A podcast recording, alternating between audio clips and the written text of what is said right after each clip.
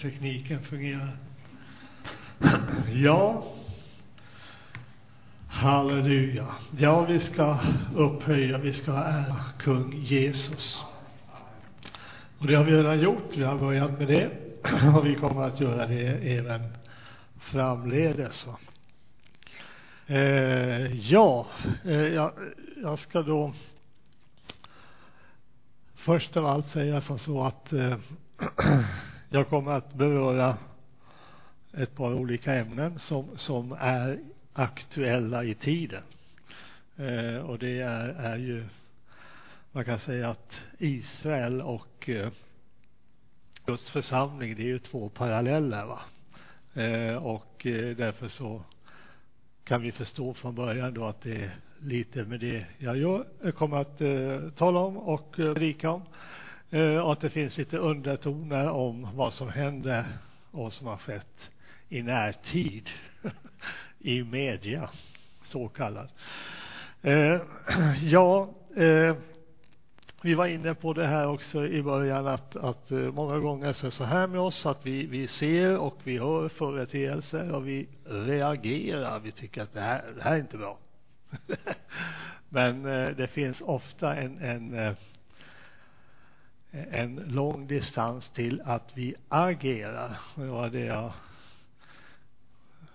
tyckte var så bra att du hade skrivit den här artikeln där då som du har gjort. Att vi både reagerar för det som vi upplever är felaktigt men att vi också agerar. Eh, för det är det som är, blir eh, verksamt i det hela. Jag har tänkt att eh, lyfta fram Nehemja. Jag, jag vet inte hur, hur länge sedan det kan vara. Jag har inte läst Nehemja på ganska länge själv och eh, det är en fantastisk bok, jag måste faktiskt säga det. Va? Så att, har du inte läst Nehemja bok eh, under senare tid så är, är den rekommendation från mig att läsa. Det är inte så många kapitel. Men i, i alla fall. Nehemja, han var munskänk. Han jobbade i, i Arastastas eh, kungadöme eh, och han var munskänk. Vad gjorde han? Jo, han serverade vin. Man kan säga att han var vinprovare på ett annorlunda sätt. på den här tiden så fick munskänken dricka vinet först för att bevisa för kungen att det här inte är förgiftat. Va? Så det var en lite utsatt position på den, på den tiden då. Va? Men, men det var i alla fall, han, han betjänade kungen. Han var i kungens hov och jobbade faktiskt nära kungen i och med detta att han betjänade honom. Eh, men eh, då, då är det som så då va, att eh, eh Nehemja, han hade en känsla för sitt folk och som hade varit förskingrat och som hade varit i fångenskap. Och, och, så var det inte bättre än att han eh, fick besök av sin bror. Eh, och, och, han var då intresserad av hur är det med Jerusalem? Hur är det med mitt folk, judarna? Eh, det, det var liksom låg högst på hans agenda att få veta detta. Va? Och då fick han en jättedålig rapport från brodern. Va? Eh, Där säger att eh, de som är kvar efter fångenskapen befinner sig i provinsen och de lider stor nöd och vanära. Och Jerusalems mur är nedbruten, dess portar nedbrända. När jag hörde detta satte jag mig ner och jag grät. Jag sörjde i flera dagar och fastade och bad inför himmelens Gud. Tänk att han, den här vanliga tjänstemannen, här var ju ingen profet eller predikant eller vad vi nu kan kalla det. Han var en vanlig tjänsteman vid, vid kungens hov. Men så här starkt reagerade han att han grät och fastade för att han hade fått den här dåliga rapporten. Det tog djupt i honom. Va? Och då kommer vi till det här att Nehemja, han var en handlingens man. Han, det här går inte, det här, det här kan vi inte acceptera. Och eh, så kom det då en möjlighet för honom att eh, få betjäna kungen igen. Och kungen såg på honom att det hemliga var inte som vanligt. Va? Han, han var ledsen, han var bedrövad och kungen frågade vad är det Nehemja? Varför är du så här bedrövad? Och då öppnade han sitt hjärta och så berättar han för kungen då om sitt folk som är utspritt, om eh, Jerusalems murar är, är nedbrutna och portarna är uppbrända. Och, och så frågar kungen, kan jag få resa till mitt folk och bygga upp murarna? Eh, och, och då får han en fantastisk favör här och det vill vi också lite så här pusha för att när man går med Gud så kan man få helt underbar favör.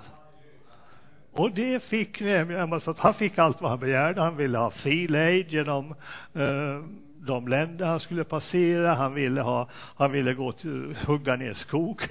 Han behövde virke. Han, han, han liksom radade upp byggnadsmaterialen här. Det här behöver jag, det här behöver jag, det här behöver jag. Ja, det är bara att ta. Kungen gav allt han begärde va? Och, och då kunde han sätta igång med det här byggnadsverket. Va? Det, och vi, det här gick ju inte det här är ju år av arbete, det förstår vi. Va? Det går fort att säga det. Va? Men det tar lite längre tid att hugga ner skogen. Om man nu tänker sig att de hade inte de utrustning med motorsågar som vi har idag. Så det var att hugga ner träden ett och ett. så det, det behövdes lite tid och kraft att göra allt detta. Va? I alla fall, han var beslutsam. Han eh, fick igång det här eh, projektet och fick byggnadsmaterial med sig ner för att börja bygga.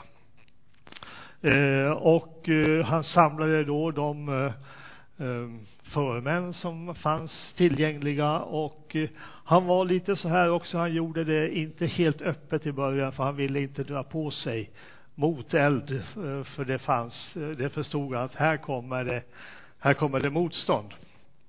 Eh, och man började bygga kom upp till halva höjden på, på muren och då, då kom de här attackerna som vi brukar kalla det. Va? Och, och det var två eh, ja, med, ganska inflytelserika med politiska ambitioner. Eh, Tobias och Samballat, har ni hört talas om dem? Eh, riktiga eh, bad guys alltså. De, de var inte hyggliga alls utan de, de var riktigt eh, illvilliga. Och de bestämde sig för att det här ska stoppas. Va? Guds stad skall icke få återuppbyggas. Murarna ska inte få byggas upp. Portarna ska inte få komma dit. Utan de var helt enkelt, ska vi säga, hatiska. För det var de alltså. Eh, och, och deras, eh, de, de fyllde inga med det. Eh, utan eh, de eh, spred onda rykten om Nehemja. De, de skickade brev till Nehemja. Inte en gång utan fyra gånger skickade de brev till Nehemja och sa att du måste komma ner, vi ska ha en konferens, vi ska pröva det här. Hur, hur är det här rimligt att du håller på på det här sättet? Och de hade bara en sak i tanken, det var att fick de Nehemja att komma dit så skulle de få göra honom. Det var, det var deras eh, de skulle göra honom illa helt enkelt, va? om det så behövdes döda honom. Det var deras ambition. Och, och, och då förstod de det att ja, det här gick ju inte. Eh, och, och då skickade de en så kallad profet som eh, kallade på Nehemja, han skulle komma till, till helgedomen. Du tänkte nu får vi gå den religiösa vägen. Han skulle till helgedomen, de hade samma, eh, intentionen var densamma va. Men de tänkte nu kör vi en lite annan variant på det här. Men det fantastiska är att Nehemja han genomskådade hela tiden vad de hade i sinnet. Va? Eh, och, och, när de inte lyckades då med sina uppsåt här va, så, eh, så började de förlöjliga och tala ut förklenande ord. Jag ska läsa för er lite grann här. Det står, I, Nehemja 4 så står det att när Samballat hörde att vi höll på att bygga upp murarna blev han förbittrad och mycket rasande. Han hånade judarna och sa till sina bröder och till Samariens krigsfolk. Vad är det dessa eländiga judar gör? Har ni hört det nu också kanske? i senare tid. Eh, Ska de få hålla på så här? Ska de få offra Ska de få använda sina pengar till det här? Ska de en dag få arbetet färdigt? Ska de kunna ge liv åt stenarna i grushögarna när de ligger förbrända? Ammoniten Tobias som stod bredvid honom sa, ah, låt dem bygga. Om det bara så är en räv som hoppar upp på muren så kommer, de att, så kommer den att falla ihop. De förlöjligade, de förklenade, de, de, de gjorde det helt enkelt så svårt som möjligt för, för Nehemja att fullfölja det här bygget. Va? Men de byggde vidare. De byggde vidare på muren. Och den fogades samman. Och så står det någonting helt underbart. Folket arbetade helhjärtat. Det tycker jag är ett underbart ord att höra. De var helt helhjärtade. De var inställda på det. Och, och det, det, var ju faktiskt så här eh, när vi läser de här kapitlen att, att eh, det var ju attacker så att de hade mursleven i ena handen och spjutet i den andra. Va? Så att de jobbade för att kunna försvara sig. Och det står till och med att, att de var så enträgna så de, de kom inte ur arbetskläder utan de sov i arbetskläderna. Och de hade, de hade sina vapen vid sängen. Kan ni tänka er alltså? Här är det frågan om liv eller död alltså. Så eh, attackerad var man en liten passus. Jag, jag tycker liksom att, att vi, vi ser, nu tar jag en liten bild av Israel idag. Vi tycker liksom att ah, det är väl okej okay att de skickar in lite missiler där, det är väl inte så farligt va. Man kallar Israel för ockupationsmakten och de har väl ingen annat att ta till än våld de här Hamas och gänget va. Det finns en strömning i tiden, det är det som jag vill säga er som är parallell med det vi ser att hända här under Nehemjas tid. Va? Och man tycker, nej, de ska väl inte få någon favör här, de, de ska inte få bygga upp sitt rike. De ska inte få lugn och ro. Ja, men de fortsatte och de fortsatte och de fortsatte och eh, man kan säga då att eh, dess facto så lyckades man då bygga upp muren. Trots all detta motstånd så gick de inte på de här nitarna utan man kom dit hen att man kan säga då att muren faktiskt blev färdig. Va?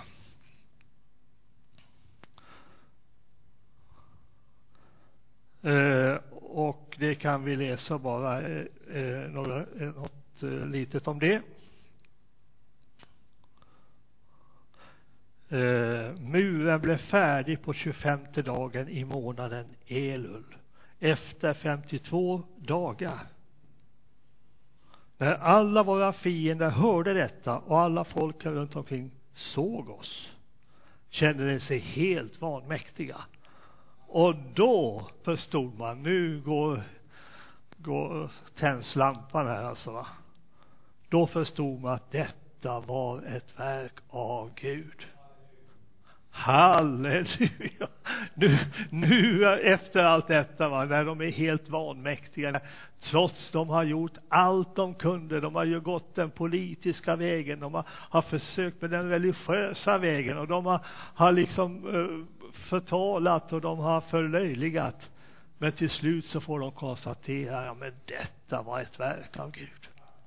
Och så här är det va, att det Gud har satt sig för att göra va, det är det faktiskt inte lönt att försöka hindra. Den enda som man gör illa just då, det är sig själv. Faktiskt så är det på det sättet. Va?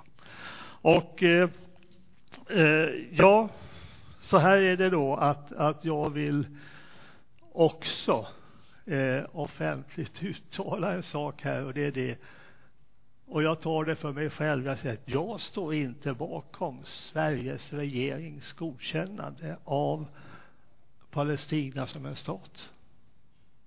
Ni får ta det hur ni vill, men jag står inte bakom det. Därför att det är ett sätt att motarbeta Israel. Och det står väldigt tydligt i, i Guds ord att den som välsignar Abraham, Israel, den som välsignar Israel, han kommer själv att bli välsignad.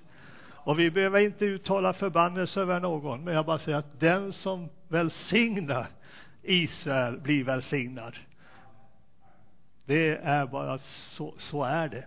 Och då talar jag inte mina egna ord, utan jag talar Guds ord, därför att det står i Bibeln att det är på det sättet. Va? Men ändå så vill jag göra den här offentliga bekännelsen, eller om vi säger, eller proklamationen kanske det är bättre ord för det, att jag står inte bakom när man går emot Guds egendomsfolk Israel. Det gör jag inte. Eh, ja, det var den ena sidan. Nu hoppar jag till nästa. Va? Ni kanske tycker att det här är lite märkligt, men, men vi kör på. Och det är ju som så att det har varit lite skriverier och man TV4 har haft synpunkter här om mirakelpredikanter och trosförkunnare och vad vi nu än kallar dem. Eh, och eh, man har ju försökt förlöjliga det också. Va? Eh, och nu ska jag ta en liten berättelse som jag tycker passar väldigt bra in i det sammanhanget. Va? Och det är faktiskt Jesus själv här. Det, det, nu är det inte någon predikant som är igång och, och far runt. Men det är Jesus, Guds son, som är och färde. Va? Om ni vill veta varifrån jag hämtade det här så är det Johannes 9. Eh, och eh, då, jag tror, alltså det är ett så, så bra kapitel så jag tänkte läsa hela det för er. Va? Ja. Guds ord återvänder ju inte fåfängt brukar vi säga, utan eh, det är det bästa man kan föra fram. Det är Guds rena, oförfalskade ord. När Jesus kom gående fick han se en man som var blind för födseln. Hans lärjungar frågade, Rabbi, vem har syndat, han själv eller hans föräldrar, eftersom han föddes blind? Jesus svarade, det är varken han eller hans föräldrar som har syndat, utan detta har skett för att Guds gärningar skulle uppenbaras för honom. Så länge det är dag måste vi göra hans gärningar som har sänt mig. Natten kommer då ingen kan arbeta. När jag är i världen är jag världens ljus. När han hade sagt detta spottade han på marken, gjorde en deg av saliven och strök den på den blindes ögon och sa till honom Gå och tvätta dig i dammen Siloam. Ordet Siloam betyder utsänd. Då gick han dit och tvättade sig och när han kom tillbaka kunde han se. Hans grannar och de som förut hade sett honom tigga sa Är det inte han som satt och tiggde? Några sa ja, det är han. Andra sa nej, men han är lik honom. Själv sa han, det är jag. De frågade, hur öppnades dina ögon?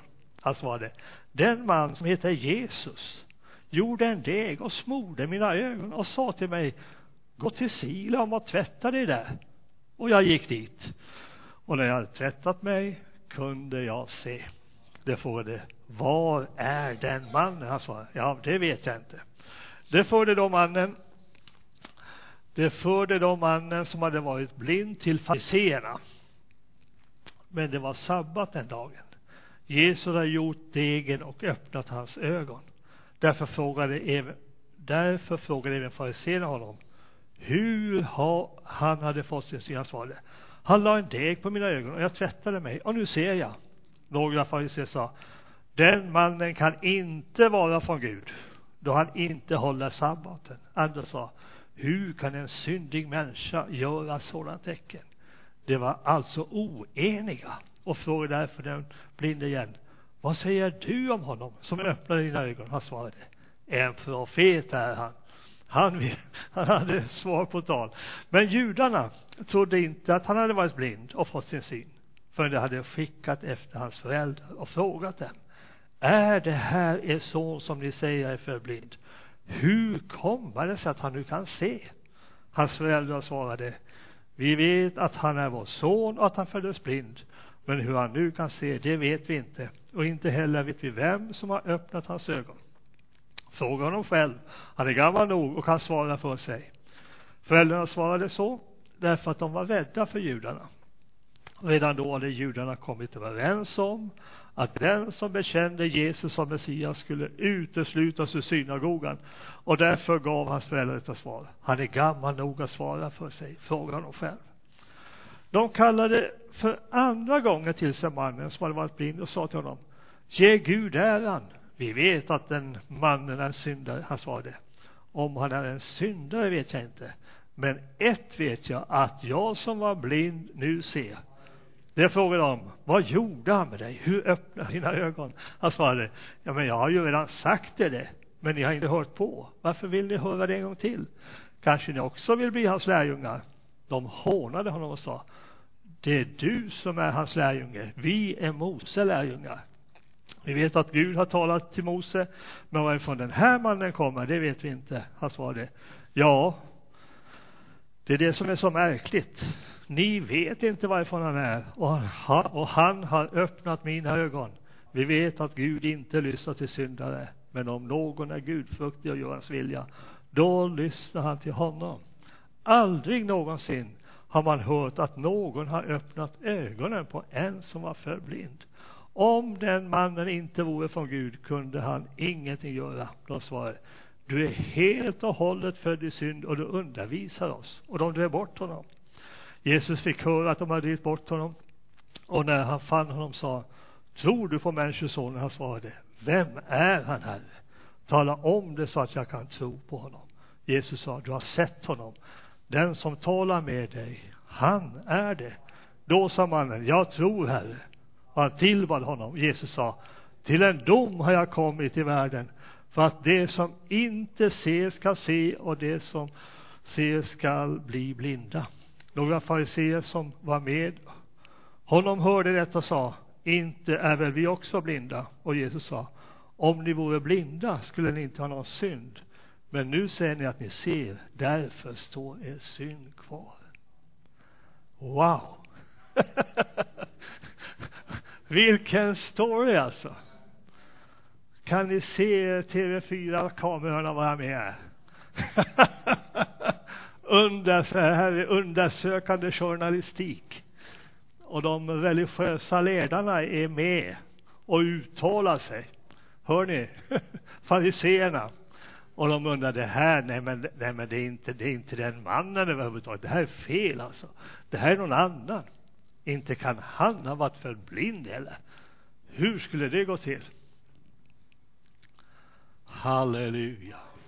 Det finns ingenting, absolut ingenting som Jesus inte förmår att göra. Det här var ju liksom på skalan omöjligt. En person född blind var nu gammal så tillvida att han var vuxen. Hans föräldrar säger att han är vuxen så att han kunde svara för sig själv. Det står inte hur gammal han är men vi utgår från att han är minst 20 år i alla fall eftersom föräldrar tyckte att de var vuxna, för vi tycker inte att våra barn riktigt blir vuxna någonsin, jag får säga va, men det tyckte de. Ah, jag tycker det är bara så underbart att Jesus gör detta va, och han gör det för att Gud ska bli förhärligad. Gud ska bli ärad. Det var inte frågan om han hade syndat eller den hade syndat eller vad det var, utan det var bara för att Guds härlighet skulle få bli uppenbarad. Va? Och just det här med, med de här ifrågasättandet, det, det, det som ligger som en underton i detta. Va? Det Gud gör skall alltid ifrågasättas på ett eller annat sätt. Ja, men att han gjorde det på söndag, var det visligt? Nej, men det var väl inte visligt att göra det på söndag när Mose lag sa att man inte fick jobba på söndag. Men Jesus brydde sig faktiskt inte om det utan han gjorde det på söndag därför att mannen behövde få ett ingripande ifrån honom själv. Halleluja. Och det är egentligen det, det, det som ligger i mitt budskap så är ju det vi ska inte låta världens tänkande få påverka oss utan vi ska låta Guds ord och det Jesus säger och det Jesus gör att vi mer och mer får den inputen och att vi inte låter massmedias illavarslande journalistik påverka oss så att vi får en negativ inställning till det som Gud gör i tiden. Gud vill upprätta sin församling i den här tiden, i det här landet. Vi är inte så stora skaror, men så att det, det går ju att konstatera här idag att det finns plats för fler. Guds rike behöver utredas, mina vänner. Och jag är lika ansvarig som ni andra. Vi har det ansvaret tillsammans. Eh, och ja men, så, ja, men vi har inte klarat av det. inte klarat av det. Men det är inte, vi behöver bara ställa oss till Guds förfogande. Va? Det är inte vi som ska klara av det, utan vi ska ställa oss till Guds förfogande så att han får verka genom oss. Det är det som ger resultatet. Och jag tänkte på, på eh, det här med, med att vi, vi, blir ofta så självfokuserade. Va? Vi börjar undersöka vad är det som gör detta. Va?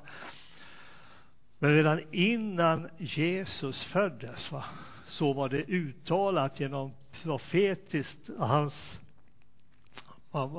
jungfrufödseln och att den jungfrun ska bli havande och föda en son. Och man ska ge honom namnet Immanuel. Ge honom namnet Immanuel som betyder Gud med oss. Ja, men detta var uttalat ifrån himmelen, ifrån Gud själv, innan Jesus ens var född. Alltså. Halleluja. Och Jesus, Jeshua, som det står i grundtexten, betyder Herrens frälsning. Och det kan man väl säga, Herrens frälsning och Gud med oss. Det är väl parallella uttalen. Man kan säga att han hade ett dubbelnamn då. Möjligtvis, eller en trippel, jag vet inte. Ja, och då, då, då kommer jag till den punkten att man får titta hur, hur och vad gjorde Jesus? Vilken, hur, hur såg Jesus agenda ut egentligen? Om vi nu skulle få för oss att jämföra hans agenda med vår egen. Eh, då står det så här att Jesus, han vandrade omkring i hela Galileen. Han undervisade i synagogorna, predikade om evangeliet, om riket och botade alla slags sjukdomar och krämpor bland folket. Ryktet om honom gick ut över hela Syrien och man förde till honom alla som led av olika slags sjukdomar och plågor, besatta, månadssjuka, lama, och han botade dem. Och mycket folk följde honom från Galileen och Dekapis, från Jerusalem, Judeen och från andra sidan jorden. En stor del, av att det här är Jesus agenda. Va? Han går omkring, han gör väl, han hjälper alla. Han undervisar människor, han predikar om riket. Vi ska göra det här. På något sätt så behöver vi göra det här mera. Vi ska inte minska på det, utan vi ska öka dosen för Östersund. De behöver höra evangelium om frälsning. Och så ska vi fortsätta att be för sjuka. Tänk att vi får ha denna enorma uppmaning. Det står till och med, nej men Jesus sa till och med så här, att större ting än vad jag har gjort, säger Jesus, ska ni göra. Större ting. Och själv gick han omkring och en stor, stor del av Jesu tid gick åt att hjälpa människor och bota dem. Och varför ska vi ha en annan inriktning då? Ja, men vi bryr oss faktiskt inte om vad TV4 tycker. Nej, vi gör faktiskt inte det. Utan vi fortsätter istället att läsa Guds ord och se vad Jesus gjorde och låta honom få vara vårt föredöme i hur vi agerar och när vi agerar. Om det är söndag eller måndag har faktiskt ingen betydelse, utan det handlar om att möta människor i deras nöd och sträcka ut sin hand till frälsning och hjälp. Halleluja! det är underbart. Jesus är livets bröd. Jag har att eh, ibland det finns olika bilder eh, på dem. Ibland så talar vi om den heliga Ande. Det finns flera olika bilder. Likaså är det med Jesus. Det finns flera olika bilder och, eh, och detta i Johannes 6 så ska jag bara läsa lite grann. Eh, om Jesus, att han är livets bröd. Då sa Jesus till dem, sannerligen säger jag er, det är inte Moses som har gett er brödet ifrån himlen, utan det är min far som ger er det sanna brödet från himlen.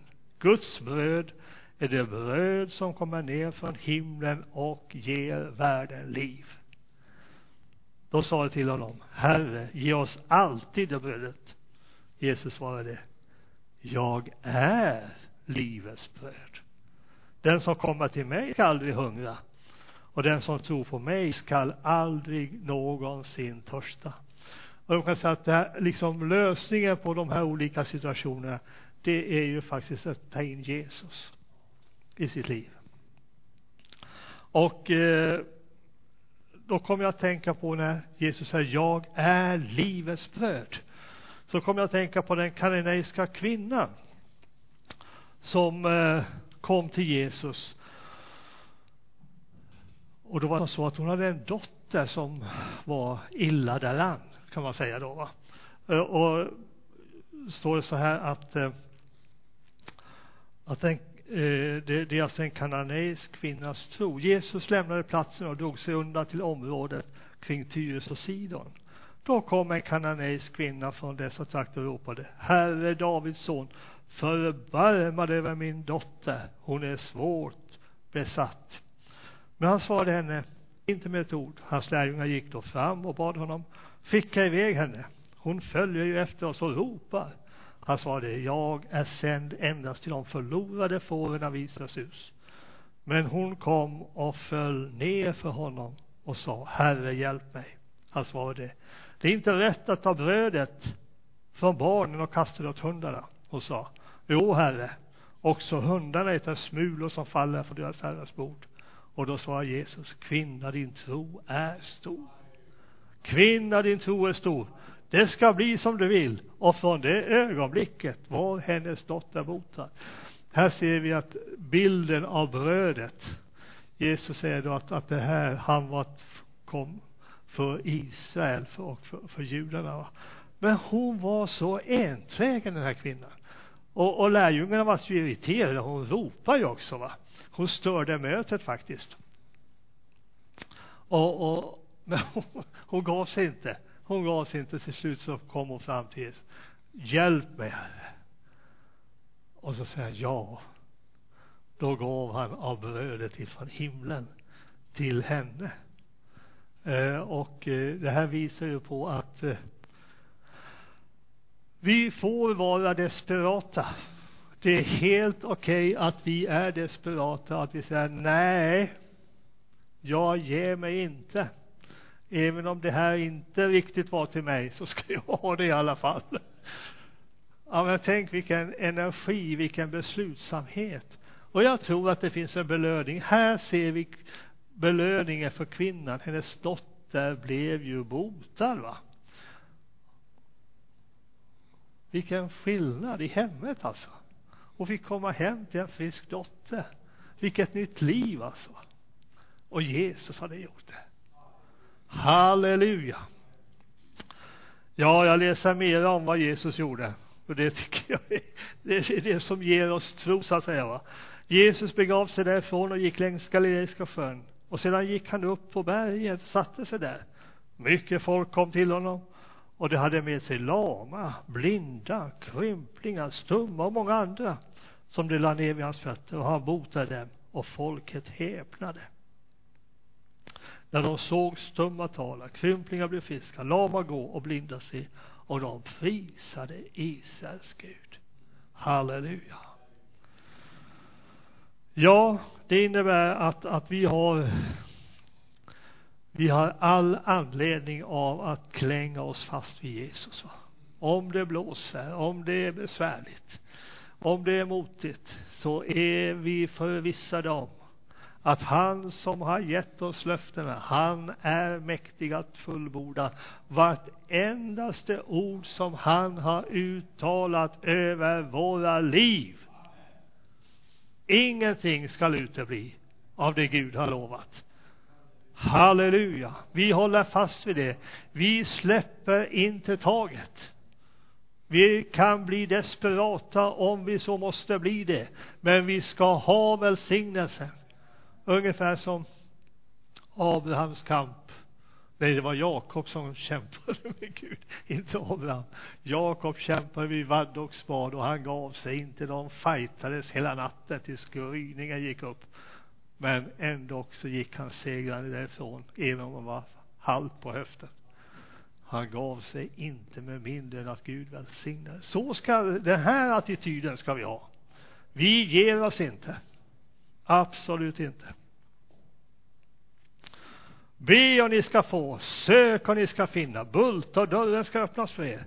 Till var en som ber, han får. Den som söker, han finner. Och för den som bultar skall dörren öppnas. Vem bland er ger sin son en sten när han ber om bröd?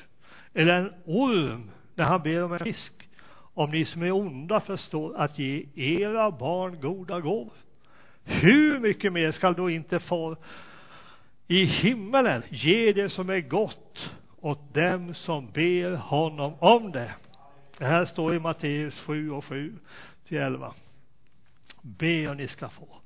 Och det här just med att vi ger inte sten till våra barn när de ber om bröd. Det gör inte Gud det heller. Halleluja. Vad ska vi nu säga om detta nu i Romarbrevet 8?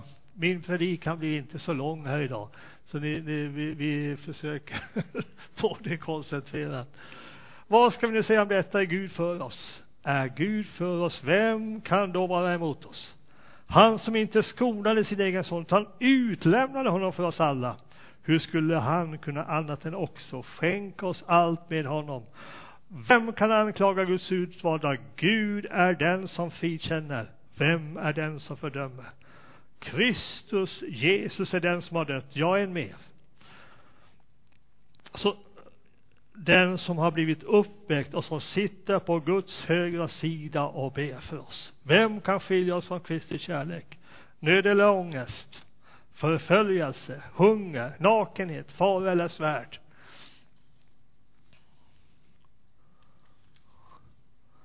Halleluja. Halleluja. När Gud är för oss, vem kan då vara emot oss? Ja, till synes så kan ju då massmedia vara emot oss ibland. Men vi backar inte.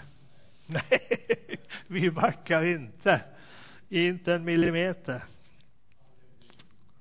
Halleluja. Kristus är den som har dött och blivit uppväckt och sitter på Guds högra sida och han ber för oss. Ja, Jesus ber för dig. Jesus ber för mig. Vi ska också be för och med varandra. Men vi vet att vi har en överste präst som ber för oss. Vi behöver inte gå till biskopen eller till påven eller någon annan höghet som på något sätt skulle kunna göra skillnad. Vi kan gå direkt till Far i himmelen. Därför att Jesus har öppnat vägen när han dog på korset så rämnade förlåten i två stycken och vägen blev fri. Halleluja. Vi får gå ända fram till Jesus och far i himmelen med vår bön, med vår tacksägelse och det vi har på hjärtat. Halleluja. Så längre än så här är inte min predikan idag, vill bara avsluta med att säga att Kristus är densamme. Ja, men så att vi har läst om hur Jesus gjorde när han gick här nere, hur han liksom sträckte sig ut till människor i nöd, i svåra situationer. Ja, men han är densamme idag. Igår, idag, så och i all evighet. Han har inte förändrats ett dugg. Ordet gäller, löftena gäller. Allt tillhör oss i och genom Jesus Kristus. All den himmelska världens andliga välsignelse tillhör oss genom Jesus. Är inte det bra? Halleluja. Amen. Nu ska jag be att Anneli sjunger en sång för oss här på slutet.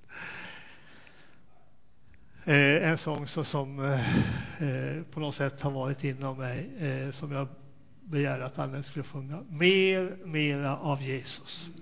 Det är det som är vägen. Det är det som är hemligheten. Inte mindre, utan mer av Jesus. och mindre av världens ande. Det gör skillnad. Amen.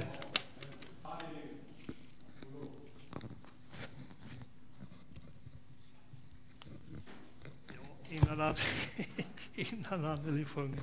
Är, är jag kvar? Ja. så är det som så att, att eh, det är på det sättet självklart att är det någon som känner att vi ska be tillsammans idag så gör vi det också. Va? Så att det är en öppen inbjudan. Okej. Okay. Amen.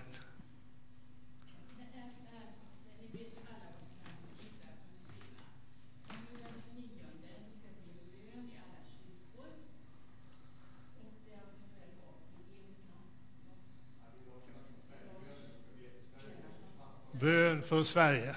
Ja, men kom, jag, jag hör inte vad du säger. ja. Nionde november, ja okej. Okay. Det är kristallnatten. Ja.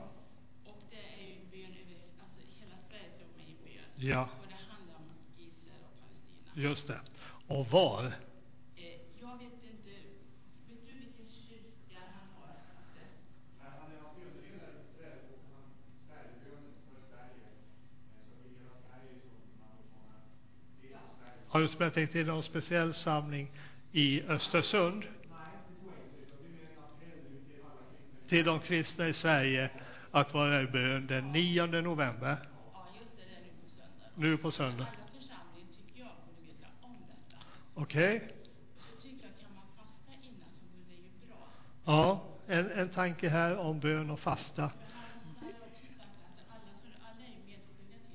Ja. Man liksom ödmjukar sig inför Gud. Ja. Ja, absolut. Ja, exakt. Men nu har vi fått en appell om detta, om eh, bön och fasta och framförallt bön den 9 november för Sverige, vårt land. Och, och alltså, nu måste jag bara ett litet erkännande här. Varför om jag tittar på Nehemja, när han fick det dåliga budskapet så grät han i dagar och fastade. Och ibland så, så går det inte så djupt. Nu pratar jag om mig själv, pratar inte om dig. Va? Ibland så skulle man önska att man skulle kunna få en, en, ett djupare beröring, att man verkligen skulle ta de här dåliga situationerna till sig och i bön och fasta inför Herren förändra. För vi har makt. Med Gud har vi makt att förändra.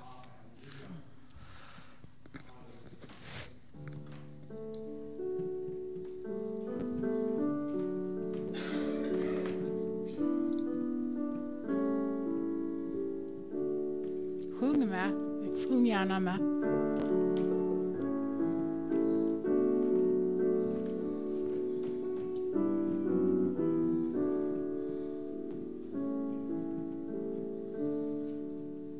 Mer, mera av Jesus. Mer, mera av Jesus.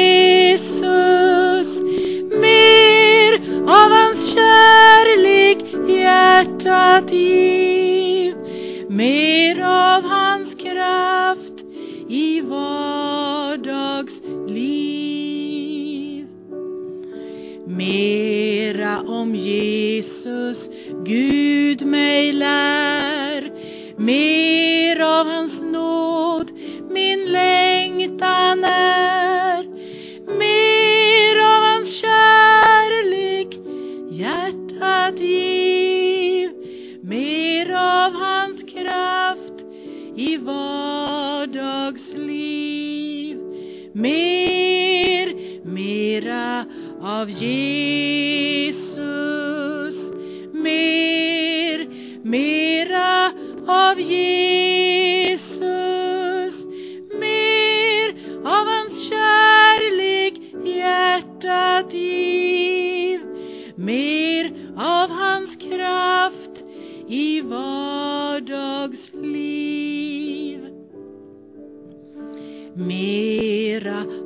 Jesus, o min Gud, lär mig förstå hans helga bud.